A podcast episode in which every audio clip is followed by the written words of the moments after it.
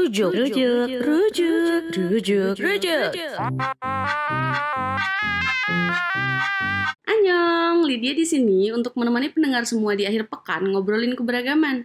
Mulai dari isu agama, isu keyakinan, gender, seksualitas, hingga isu media. Tentu aja dikemas dengan sederhana agar mudah diikuti oleh semua orang. Jangan ke mana-mana ya. Stay tune.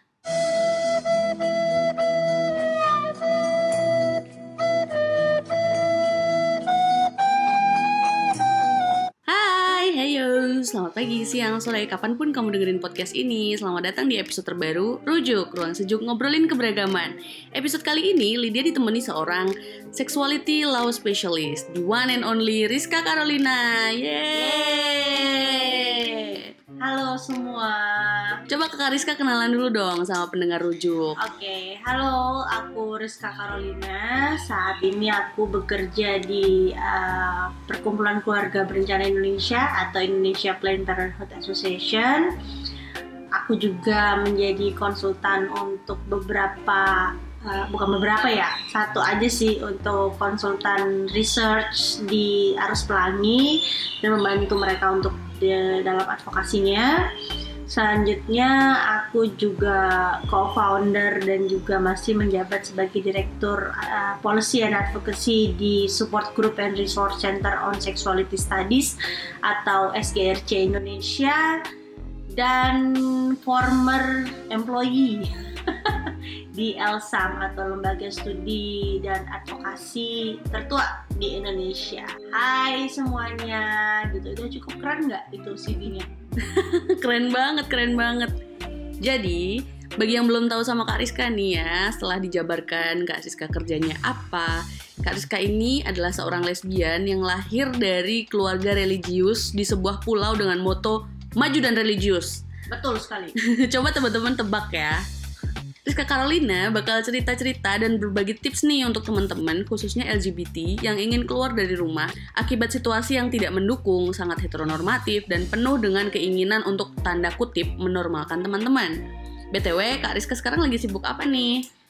Eh, tadi aku sudah jelaskan eh, perkenalannya sebagai apa, tapi yang pasti aku saat ini sedang mengawal beberapa RUU yang nantinya akan berdampak kepada LGBTIQ dan wholly keberagaman itu sendiri seperti RUU ketahanan keluarga, RKUHP, dan juga RUU penghapusan kekerasan seksual eh, selanjutnya beberapa perda-perda daerah juga dan lain sebagainya yang berkaitan dengan hak kesehatan seksual dan reproduksi. Karena tidak hanya LGBT makanya aku disebut sexuality law specialist aku juga be- eh, banyak fokus kerjanya tidak hanya dalam isu sexuality dan eh, dalam hal ini orientasi seksual, ekspresi gender dan identitas gender, tapi juga berkaitan dengan uh, seperti aborsi aman, uh, uni-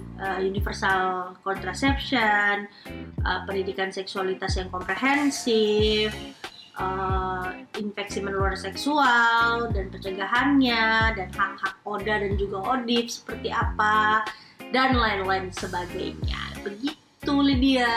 Waduh, rame dan sibuk ya pekerjaannya Kak Rizka. lumayan lumayan. Saking sibuknya makanya aku uh, lagi pengen semua teman-teman yang backgroundnya hukum ataupun bukan backgroundnya hukum untuk ikut tertarik sebenarnya pada isu uh, sexuality dan hukum gitu. Jadi hukum yang berkaitan dengan seksualitas.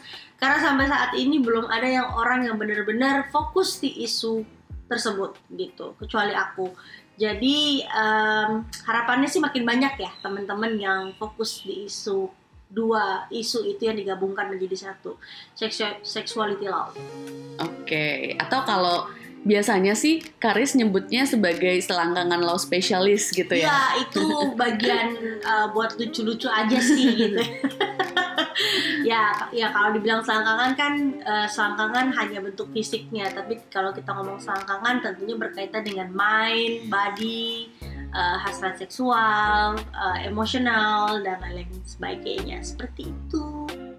Ya, Eh, ini pertanyaan yang cukup mendasar ya kak. Boleh diceritain dulu nggak gimana awalnya Kak Riz tuh mengidentifikasikan orientasi seksualnya?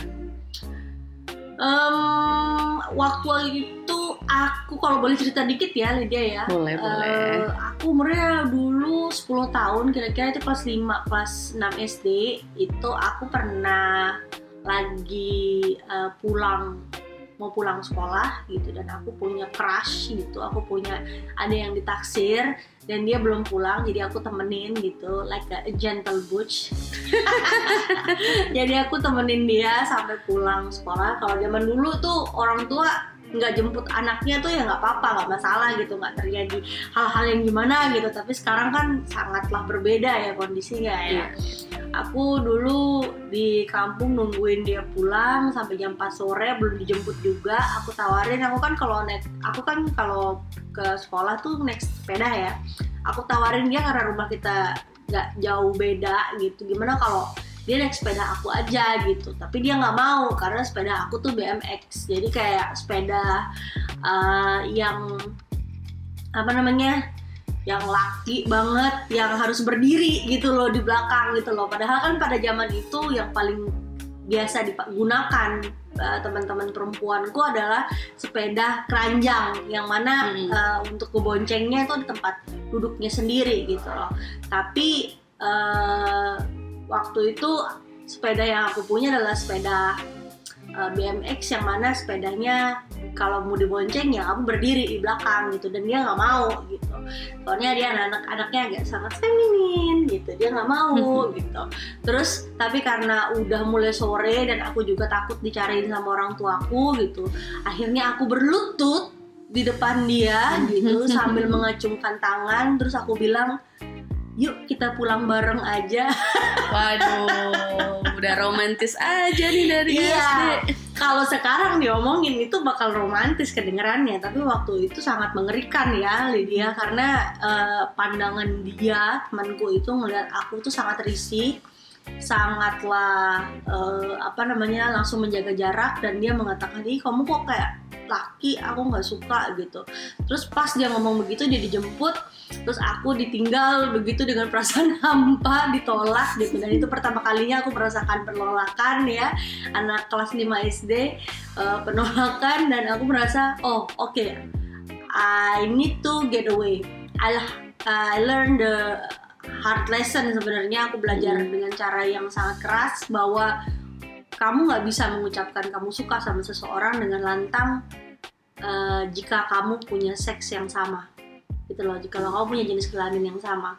Dan itu aku pelajari dari sana. Dan selanjutnya eh apa ya pembelajaran buat aku untuk stay away dari eh apa dari diri aku yang eh, sebenarnya. Jadi mulai yang oh enggak kok aku nggak kayak begini gitu. SMP pun gitu aku walaupun tetap tomboy gitu kalau aku ditanya sama temen-temenku ih kamu bener nggak sama kayak temen aku namanya sebut saja kak? Gitu. Kamu kayak gitu ya? Oh aku enggak pasti aku deny gitu. Dan don't worry aku sudah minta maaf sama temenku yang namanya kak itu karena dia satu-satunya uh, lesbian yang out proud waktu itu di bukan proud ya out saja di di SMP dan dia sempat nembak kayak gitu. Dia sempat nembak uh, temen sekelas temen sekelas kita. Dan itu jadi omongan uh, banyak orang. Dan dia akhirnya dikeluarkan dari sekolah. Bukan dikeluarkan ya dia mengundurkan diri dari sekolah dan pindah sekolah gitu.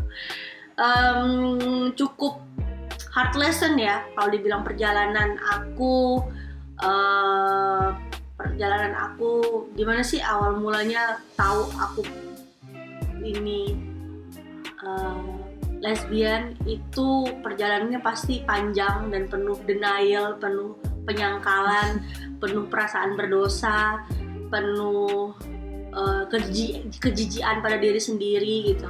Sampai saat ini aku kalau ngedenger kata risih yang dikatakan oleh temanku yang dulu em, di SMA apa waktu aku SD itu sangatlah eh, apa menyakitkan gitu.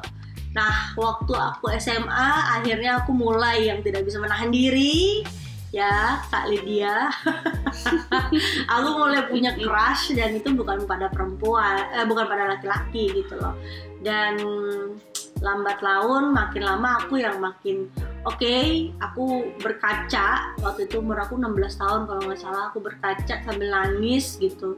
Nggak bisa menahan diri bahwa aku ini adalah aku nggak tahu namanya apa tapi aku nggak suka laki-laki gitu. Lah terus aku telanjang aku lihat kaca aku lihat diriku sendiri yang lagi blooming gitu ya lalu baru tumbuh segala macam gitu ya. Aku lihat kaca aku lihat diriku dan aku habis nonton film judulnya uh, apa ya? Yang hidungnya babi tau gak sih? Uh, kerasakti bukan. Bukan yang hidungnya babi itu apa ya? Si uh, aku lupa yang main Christina Ricci kalau nggak salah. Terus dia uh, punya satu mantra dan dia ngeliat kaca I love myself the way I am. Dan itu yang aku ikuti aku telanjang aku lihat kaca terus aku bilang I love myself the way I am. Dan di situlah perjalananku mengakui bahwa yes apa pun aku itu dan itu waktu itu belum zaman zaman zaman internet gitu loh. Jadi aku nggak bisa tahu gitu loh. Aku tahu kata lesbian aja itu karena temenku suggest that I am a lesbian gitu. Aku dari kampung gitu loh jadi nggak ada yang tahu gitu loh. Jadi ya udah. Akhirnya dapet jawabannya eh, baru ada Google. Uh-huh. dan akhirnya ya aku cari tahu bahwa aku lesbian dan kayaknya asik di kategori gitu. Oke. okay. Ada dua pertanyaan nih. Udah hmm. udah mau 15 menit. Ya udah potong-potong nggak apa-apa. Ini nanti kan aku potong. Hmm. oke okay. ketika keluarga Kariska tahu gimana respon mereka? Oh gila tuh. Waktu dia tahu waktu mereka tahu umurku 24-25 dan cukup settle ya. Waktu itu aku sedang magang sedang menjadi paralegal. Waktu itu di salah satu um, kantor hukum gitu. Jadi pendapatannya memang ada tapi nggak banyak gitu ya. Uh, jadi punya tabungan lah yang ku tabung gitu. Terus um, waktu itu juga aku tinggal sama kakak aku di uh, Depok waktu itu. Terus waktu mereka tahu aku menulis surat begitu. Waktu itu aku lagi patah hati aku nulis surat dan aku nggak pernah bilang aku melela ya aku nggak pernah bilang aku coming out ke mereka. Aku bilang um, aku nggak tahan lagi sama hidup ini gitu. Pokoknya aku punya suicidal thought. Aku mau pergi aja gitu. Aku bilangnya gitu. Aku mau kabur istilahnya. Mau menenangkan diri sebenarnya. Tapi di tengah perjalanan itu minum 27 panadol juga sih. Betul aduh aduh aduh aduh aduh. trigger warning trigger warning ya teman-teman. Dan ini bukan suatu hal yang aku banggakan ya gitu. Tapi waktu itu akhirnya um, tabrakan. Terus kakakku langsung ngeliat aku terus di rumah sakit ya waktu itu lagi aku muntah-muntah segala macam dengan badan dijahit kepala bocor dan segala macamnya kakakku yang cewek bilang kamu nggak normal kakak sudah tahu gitu. Itu belum hal yang menyakitkan tapi ada satu hal yang paling menyakitkan buat aku yang dikatakan ya uh, lebih menyakitkan dari aku yang masih luka-luka dan dipukulin oleh kakakku dengan batu akik di tangannya gitu kakakku yang cowok gitu atau aku yang dicekek sama kakakku yang cewek atau ibuku apa apa mamiku yang nangis-nangis gitu. Itu jauh uh, itu masih belum semenyakitkan kata-kata sebenarnya. Kata-kata yang paling aku ingat sampai sekarang dan akan membuat aku menangis adalah kamu uh, dari kakak iparku yang mengatakan bahwa kamu harus keluar dari rumah ini. Hmm. karena kamu memberikan bad influence dan aku nggak mau anak-anak saya aku saya nggak mau anak-anak saya tertular oleh kamu. Dan itu sangat-sangat menyakitkan dari kesibukan Kak Riz, sepertinya Kak Riz udah cukup lama ya keluar dari rumah. Nah, ketika memutuskan keluar dari rumah itu gimana posisinya Kak Riz? Apakah udah bekerja atau ketahuan dulu orientasi seksualnya? Kalau bekerja dibilang magang itu bekerja nggak sih? Kerja lah kalau ada duitnya mah.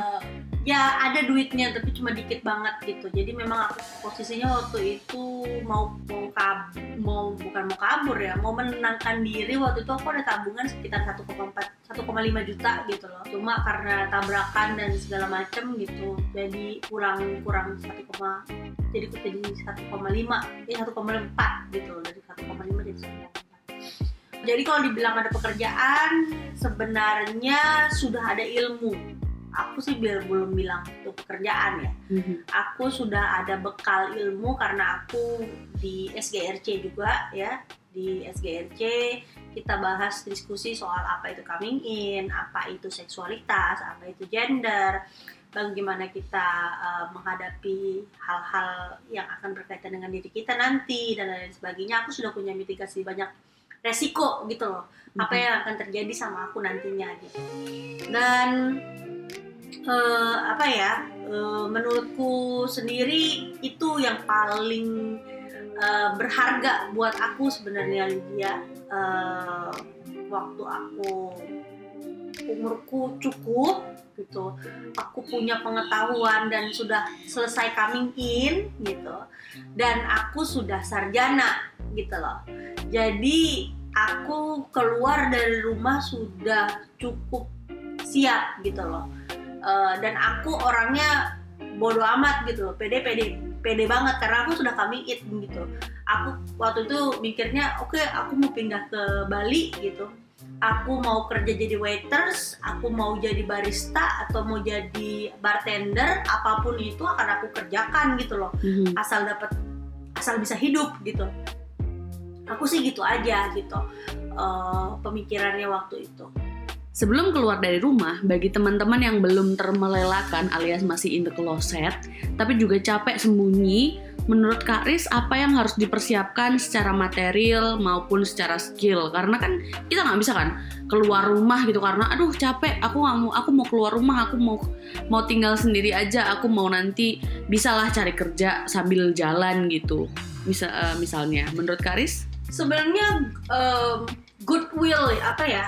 Um, apa ya bahasanya ya? Kamu memang willing untuk memang kalau kamu memang mau keluar rumah ya kamu tahu resikonya gitu loh. Jangan keluar rumah terus ngerepotin orang. Itu yang pertama. Kalaupun kamu ngerepotin orang you know how to pay back gitu loh mm-hmm. to that person gitu. Karena uh, kita sama-sama penyintas kabur-kaburan ya Lydia. Jadi menurutku um, kamu harus siap gitu loh uh, dengan segala konsekuensinya gitu. Kamu kabur, kamu memang siap, kamu tinggal di tempat orang gitu loh. Kalau kamu kabur, kamu kabur, kamu siap meninggalkan uh, keluargamu gitu loh. Kamu kabur bisa dengan arti kamu tidak membawa uh, apa namanya dokumen-dokumen uh, penting hmm. yang ada di di untuk hidup kamu kayak ijazah misalnya kakak itu uh, itu kan dokumen-dokumen penting ya yang sangat penting buat kamu nanti kalau kamu mau kabur ke mana gitu gitu. Itu itu penting banget gitu loh. Uh, hal-hal yang seperti itu. Kadang kita nggak bawa kadang kita cuma bawa badan gitu loh. Uh, tapi kamu harus benar-benar siap dan kamu harus benar-benar yakin. Tapi kalau aku menyarankan kepada teman-teman kalau memang belum bisa melelak coming in dulu kalau belum bisa melelak keluar melelak ke dalam dulu gitu. Hmm. persiapkan. Karena gini karena melelak itu tidak kamu tarakan ya melelak akan datang kepadamu dengan sendirinya gitu loh. Jadi jangan keseringan nonton streaming gitu loh. Film-film film-film LGBT yang sekarang ada di streaming gitu uh, sangatlah yang kayak mom dad I'm gay gitu. That's not going to be happen gitu loh in Indonesia gitu ya. Jadi yang terjadi malah uh, kamu bisa dikurung, kamu bisa uh, di apa namanya dikawin paksa, kamu bisa dirukiah, kamu bisa diobati dengan medical atau uh, psikologikal dan lain sebagainya yang menurutku itu adalah upaya korektif yang mana sangat berbahaya dan merupakan suatu tindak penyiksaan hmm. untuk kamu sendiri. Jadi kamu harus benar-benar pikirkan resikonya. Jika kalau memang kamu kabur, ya kabur aja gitu loh. Hmm. Tapi kamu juga harus tahu ada resiko di balik kamu kabur gitu. loh. Betul. Aku kabur, aku tahu resikonya gitu loh. Iya. Aku tahu resikonya dan aku tidak bukan kabur gitu aja, tapi aku mencoba memperbaiki hubunganku dengan keluarga gitu loh. Nggak langsung kabur ya udah oke bye semuanya gitu bye langsung happy ending no gitu loh. Karena kalau memang identitas gender kamu penting, kalau memang orientasi seksual kamu penting, ya dan kebahagiaan kamu penting gitu loh. Ya you willing to lepas dari semua hal yang melekat sama kamu gitu. Oke. Jadi kayak berarti keluar rumah atau nggak keluar rumah itu sebenarnya adalah pilihan. Yang Benar. penting adalah coming in, kemudian juga mempersiapkan dokumen, mempersiapkan skill karena keluar rumah berarti kamu harus cari kerja, cari uang Betul. sendiri, eh, harus cari tempat tinggal, biaya hidup karena itu nggak nggak gampang apalagi Dan- kalau kamu nggak punya tabungan ya kan. Dan tadi aku udah bilang sama kamu, walaupun aku S1 yang aku pikirkan adalah aku nggak peduli jadi uh, kuras WC di mall juga aku nggak masalah gitu loh. Mhm. Karena aku mikir aku bahagia gitu loh. Iya. Aku bahagia dengan aku menjadi diriku sendiri gitu. Jadi apa pun akan aku lakukan untuk menyambung hidup gitu. Dan zaman dulu, zaman aku sekitar 10 tahun yang lalu ya, itu beda sama sekarang gitu loh. Sekarang udah banyak rumah aman gitu loh Hmm. untuk teman-teman untuk tinggal. Aku waktu itu bener-bener gelandangan gitu loh, bener-bener bener-bener aku hidup uh, dengan untungnya aku punya tabunganku sendiri gitu dan aku ti- tinggal di kosan yang sangatlah reot yang uh, apa namanya bukan tembok ininya tapi triplek gitu dengan harga 300.000 ribu itu triplek dan itu deket got pas banget. Jadi kamu buka pintu itu got. Dan itu tikus lewat. Bayangkan gitu loh. Jadi uh, but it's okay. It's for my happiness. I'm okay with it gitu loh. Mhm. tapi bersediakah teman-teman untuk melakukan itu? Makanya aku bilang yakinkan diri kamu dulu coming in dulu gitu. Perbanyak jawaban yang orang tua pasti bakal bertanya hal-hal yang kayak kok bisa kamu bisa menjawabnya kamu bisa kontra argumen mereka gitu loh. Tapi dengan cara yang politely gitu loh. Karena kamu saat ini sedang berhadapan dengan keluarga dan keluarga nggak mau dengar kamu gitu loh. Kayak kamu bilang ya I'm this way mom gitu. Mhm. kamu nggak bisa nge- ngejelasin ke orang tua begitu. Karena orang tua udah cukup hidup cukup lama dan mereka adalah orang tua yang sulit untuk berubah gitu loh. Jadi jelaskanlah dengan bahasa se- sederhana mungkin dan itu tidak mudah kamu harus punya cukup pengetahuan ya untuk bisa menjelaskan itu kepada orang tua ataupun orang yang sangat awam sekalipun terkait dengan apa itu sih seksualitas gitu. Itu sih dan uh, thanks God untuk SGRC waktu itu adalah aku punya pengalaman yang lebih mudah jadinya untuk uh, waktu itu terjadi walaupun ugly walaupun sama sama aja dipukul dan segala macamnya gitu. Tapi tetap aja itu berharga buat aku. Maksudnya uh, pengetahuan-pengetahuan yang ada itu bisa aku gunakan untuk kontra narasi-narasi dari dari keluarga. Banyak nih masalah-masalah yang sebenarnya kalau aku dengar ya di luar itu banyak yang teman-teman tuh pendidikannya belum selesai terus belum dapat kerjaan tapi tuh udah nggak sanggup di rumah karena perlakuannya yang buruk karena percobaan konversi terus kemudian juga ya tadi usaha untuk mengembalikan kita menjadi hetero padahal dari awal kita bukan hetero yang kayak gitu. Menurut Kak Riz apa yang harus dia lakukan? Apakah dia memang keluar dari rumah atau memang ditahan-tahan aja? Tapi kalau ditahan nih kita bisa kalau sekarang kita bahasnya kayak nanti aku bisa depresi nanti aku bisa uh, trauma dan segala macem. Menurut Kak Riz gimana? Pertama, surat-surat itu penting. Kalau kamu masih bergantung sama keluarga, aku juga gimana ya? Ini eh, beda-beda sih sebuah orang. Tapi menurutku kalau aku di posisi kalian, waktu itu aku coming out-nya gimana ya? Eh, sudah cukup mapan ya, sudah cukup siap gitu. loh. Hmm. Tapi kalau aku di posisi kalian, di posisi yang eh, saat itu tidak punya pekerjaan, masih hidup dengan keluarga, belum selesai kuliah, aku akan tahan walaupun orang tuaku walaupun orang tuaku tahu aku lesbian misalnya Mhm. di saat itu aku akan tahan diri untuk tetap melanjutkan kuliahku. Uh, terus kalau misalnya orang tuaku menyarankan untuk aku rukiah, aku akan rukiah karena aku itu yang aku, aku lakukan gitu loh. Mhm. Aku akan rukiah mau ngapain juga mau karena aku tahu mau aku di rukiah berpuluh kali juga I'm born this way gitu loh. nggak mempan ya Nggak mempan setannya sama aku gitu loh. Jadi percuma gitu. Terus yang ketiga kalau memang kamu memang harus harus pergi gitu, kamu juga harus pikirkan gimana sih exit strategi, weh bahasanya ya Allah. exit strategi setelah kamu pergi misalnya, kamu butuh kakak, gimana cara kamu mem kamu akan ketemu keluargamu terus gitu loh. Mhm. Kita nih orang Asia, kamu akan tetap keluar ketemu keluargamu gitu loh. Gimana caramu untuk tetap bisa dapat dokumen-dokumen itu, baru kamu bisa pergi. Kalau kamu belum selesai kuliah, selesaikan dulu kuliahmu. Kalau ketahuan di tengah jalan waktu kamu kuliah gitu, eh, kalau aku, ini aku ya, kalau kamu ketahuan di tengah jalan eh, waktu masih kuliah bahwa kamu lesbian atau gay atau trans begitu, aku akan eh, lebih kepada bilang bahwa tetap aku lesbian Mhm. ya dan aku tidak mau melakukan apa yang mereka minta untuk berubah. Kalian bisa mencoba untuk merubah aku tapi aku tidak akan merubah. Nah keasertifan seperti itu tidak mungkin tidak banyak dimiliki oleh teman-teman LGBT youth saat ini gitu loh. Karena aku waktu itu dalam middle of kuliah S2 juga yang mana memang masih bergantung setengahnya sama orang tua gitu. Dan aku bilang ya udah aku nggak mau kuliah gitu Mhm. aku nggak mau kuliah aku nggak mau ngelanjutin kuliahku gitu. Ya, terserah kalian gitu. Aku mau keluar dari rumah tapi orang tua aku bilang jangan gitu. Selesaikan dulu kuliahmu gitu. Mereka selalu mencari cara untuk apa ya kayak misalnya nanti mami sakit. Kalau mami sakit aku juga sakit kalau aku sih bilangnya gitu.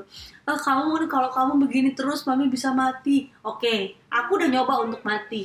Mami belum. Anak ini nggak sopan nih ya karena menurutku gini loh ini sudah terlanjur ketahuan Mhm. gitu loh. Orang tua mau apa? Mau tetap lanjutin aku punya sekolah gitu mau bantu aku bayar sekolahku gitu atau aku bayar sendiri sekolahku dengan aku kabur.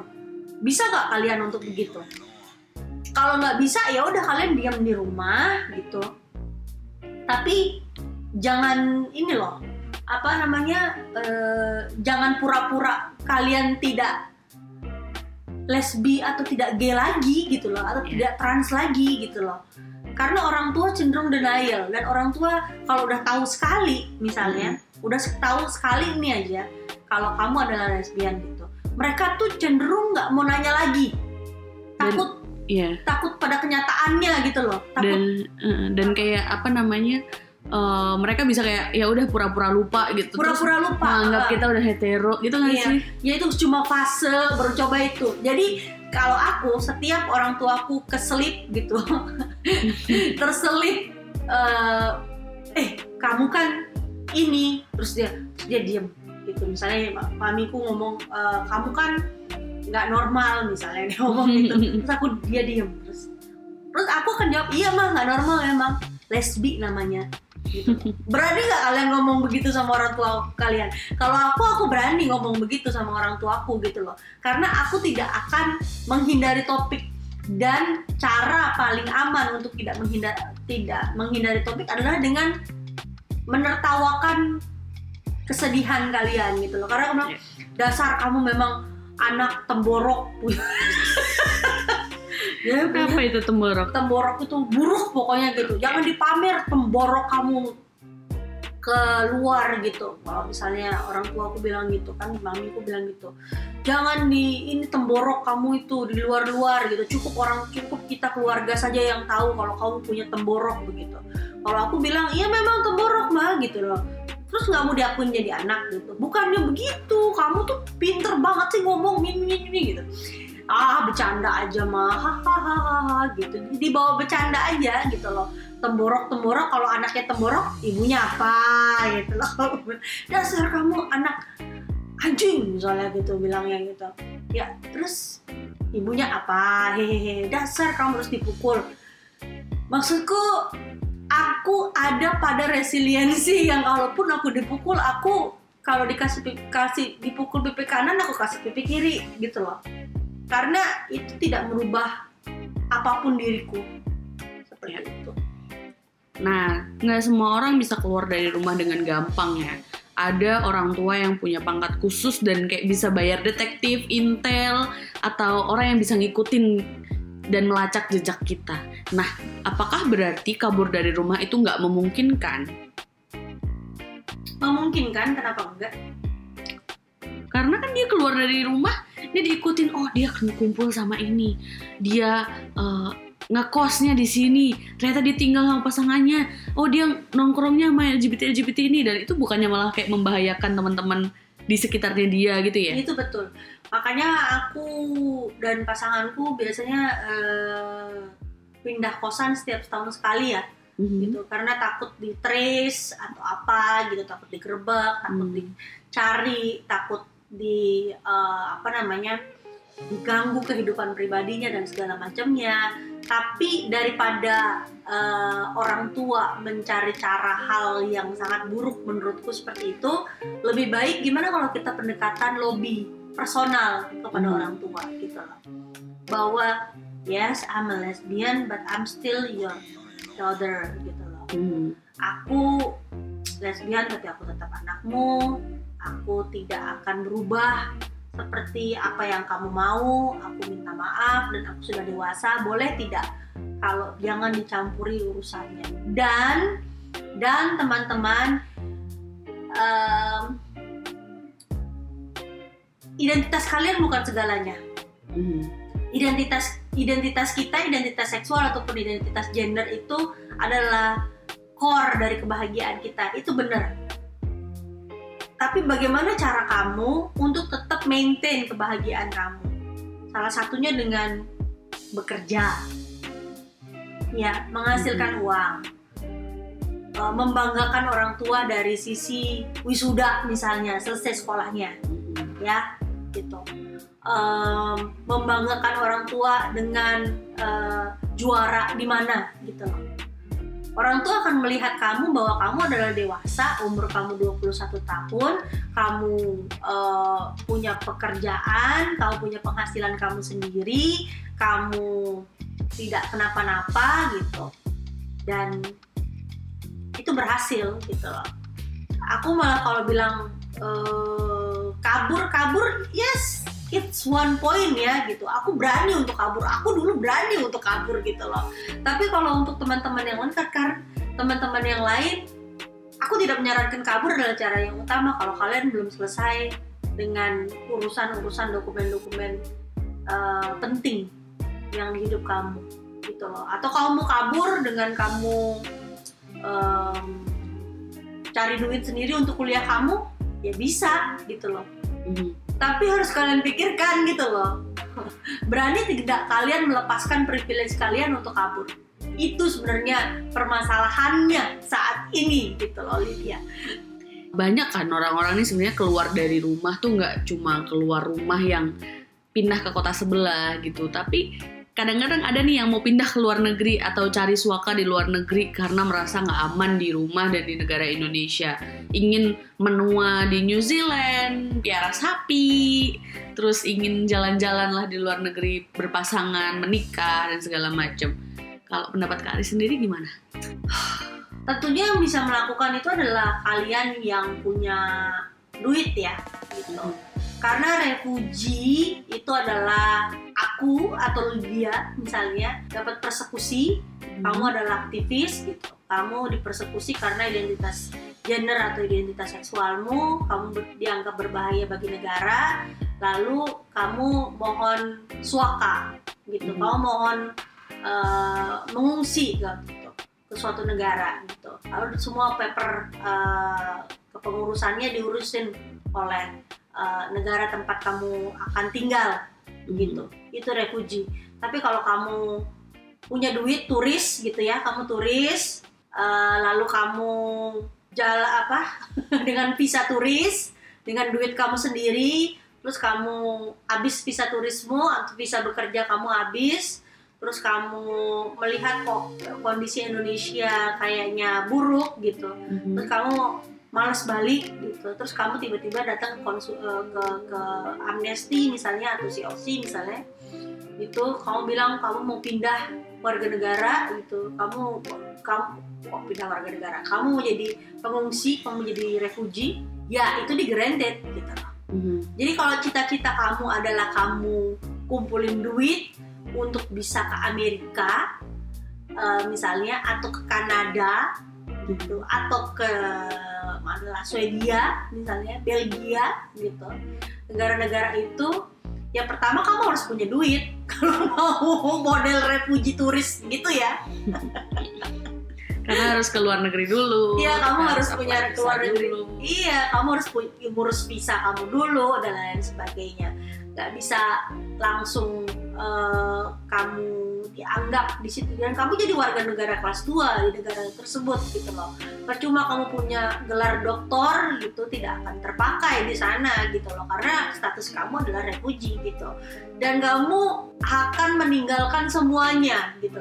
Kamu akan meninggalkan semuanya dan tidak bisa kembali ke motherland Mhm. which is sejelek-jeleknya Indonesia gitu ya gitu siap nggak kamu gitu loh dengan keadaan seperti itu oh oh nggak apa-apa. Yang penting kamu kamu pikir enak begitu. Gini aja deh. Pikirnya gini aja. Kamu yang lagi di daerah gitu ngelihat Jakarta tuh kayak gimana sih gitu. Pasti kayak di sinetron-sinetron gitu kan. Keren oke lu lu gue gue gitu. Monas dan segala macamnya gitu loh. Tapi pas kamu datang ke Jakarta seperti aku sekarang gitu aku ngeliat gede-gede banget tikusnya gitu loh. Mhm. Eh, apa namanya polusi gitu ya terus kejahatan di mana-mana gitu. Bayar kosan mahal bayar makan mahal dan segala macamnya. Jadi mikir kalau begini mending gue di kampung deh gitu. Itu yang sebenarnya terjadi sama kamu nantinya. Kalau kamu pindah ke sana dengan status sosial kamu yang turun dua degree gitu loh. Bukan nakut-nakutin kalau kalian privilege enough kamu punya duit gitu loh enak gitu bisa pindah negara nggak perlu nggak perlu refugee sekalipun enak bisa pindah negara gitu loh. Tapi kalau kamu duitnya kagak ada gitu nggak usah gitu loh. Mendingan nggak usah gitu loh. Mendingan kalian fighting gitu loh di sini gitu loh. Untuk eh, teman-teman kalian itu sih saranku bukannya nyinyir sama yang eh, turis refugee ya tapi memang refugee tidak seperti itu gitu loh Oke. Kalau misalnya ada yang terusir nih, Hmm. em, ya karena memang udah kayak nggak bisa stay dan memang dia harus pergi, diusir juga sama keluarga. Kira-kira Karis bisa nyaranin nggak ada rumah aman atau rumah singgah sementara gitu yang bisa dihuni oleh teman-teman LGBT? ada ada beberapa dan syukurnya sudah mulai banyak orang yang concern pada rumah aman terhadap terutama LBQ ya Iya. LBQ LBT L- kalau teman-teman T teman-teman transpuan terutama mereka punya apa ya namanya eh, lebih guyup gitu loh Mhm. apa ya lebih guyup tuh mereka bener-bener nekat itu bener-bener nekat gitu loh Iya. Lydia Mhm. eh, survive kamu aku mau keluar aku mau keluar gitu loh. Jadi pekerja seks sekalipun aku akan jalani gitu loh. Itu survive-nya mereka gitu loh. Sedangkan di LBQ banyak banget struggle-nya di dia Mhm. gitu. Jadi eh, kalau aku bilang ada untuk LBT ada untuk LBQ, eh, LBQ eh, itu banyak. Sebenarnya tempat-tempat bukan banyak sih. Sudah lebih lumayan ya daripada zaman aku. Sekitar 8-10 tahun yang lalu gitu. Waktu kabur ya tuh kelihatan kan tua ini. Eh, ada di Jakarta beberapa di Jawa Barat ada gitu. Dan sebenarnya kalau mau akses yang paling pertama adalah kamu usianya berapa? Ya. Karena kalau kamu usianya di bawah 21 tahun secara perdata itu kamu masih dianggap anak gitu. Eh, jadi eh, sebisa mungkin kamu di atas 21 tahun dulu. Aku sih menyarankan tapi kalau memang tidak belum eh, apa namanya usia kamu di atas 18 tahun gitu. Secara uh, undang-undang perlindungan anak begitu. Kamu sudah tidak dianggap anak lagi kamu bisa kabur misalnya. Uh, yang paling utama adalah dokumen-dokumen penting kamu sudah ada dalam dalam genggamanmu kamu kabur gitu loh. Kamu sudah punya tabungan kamu sendiri gitu untuk kamu hidup beberapa lama gitu.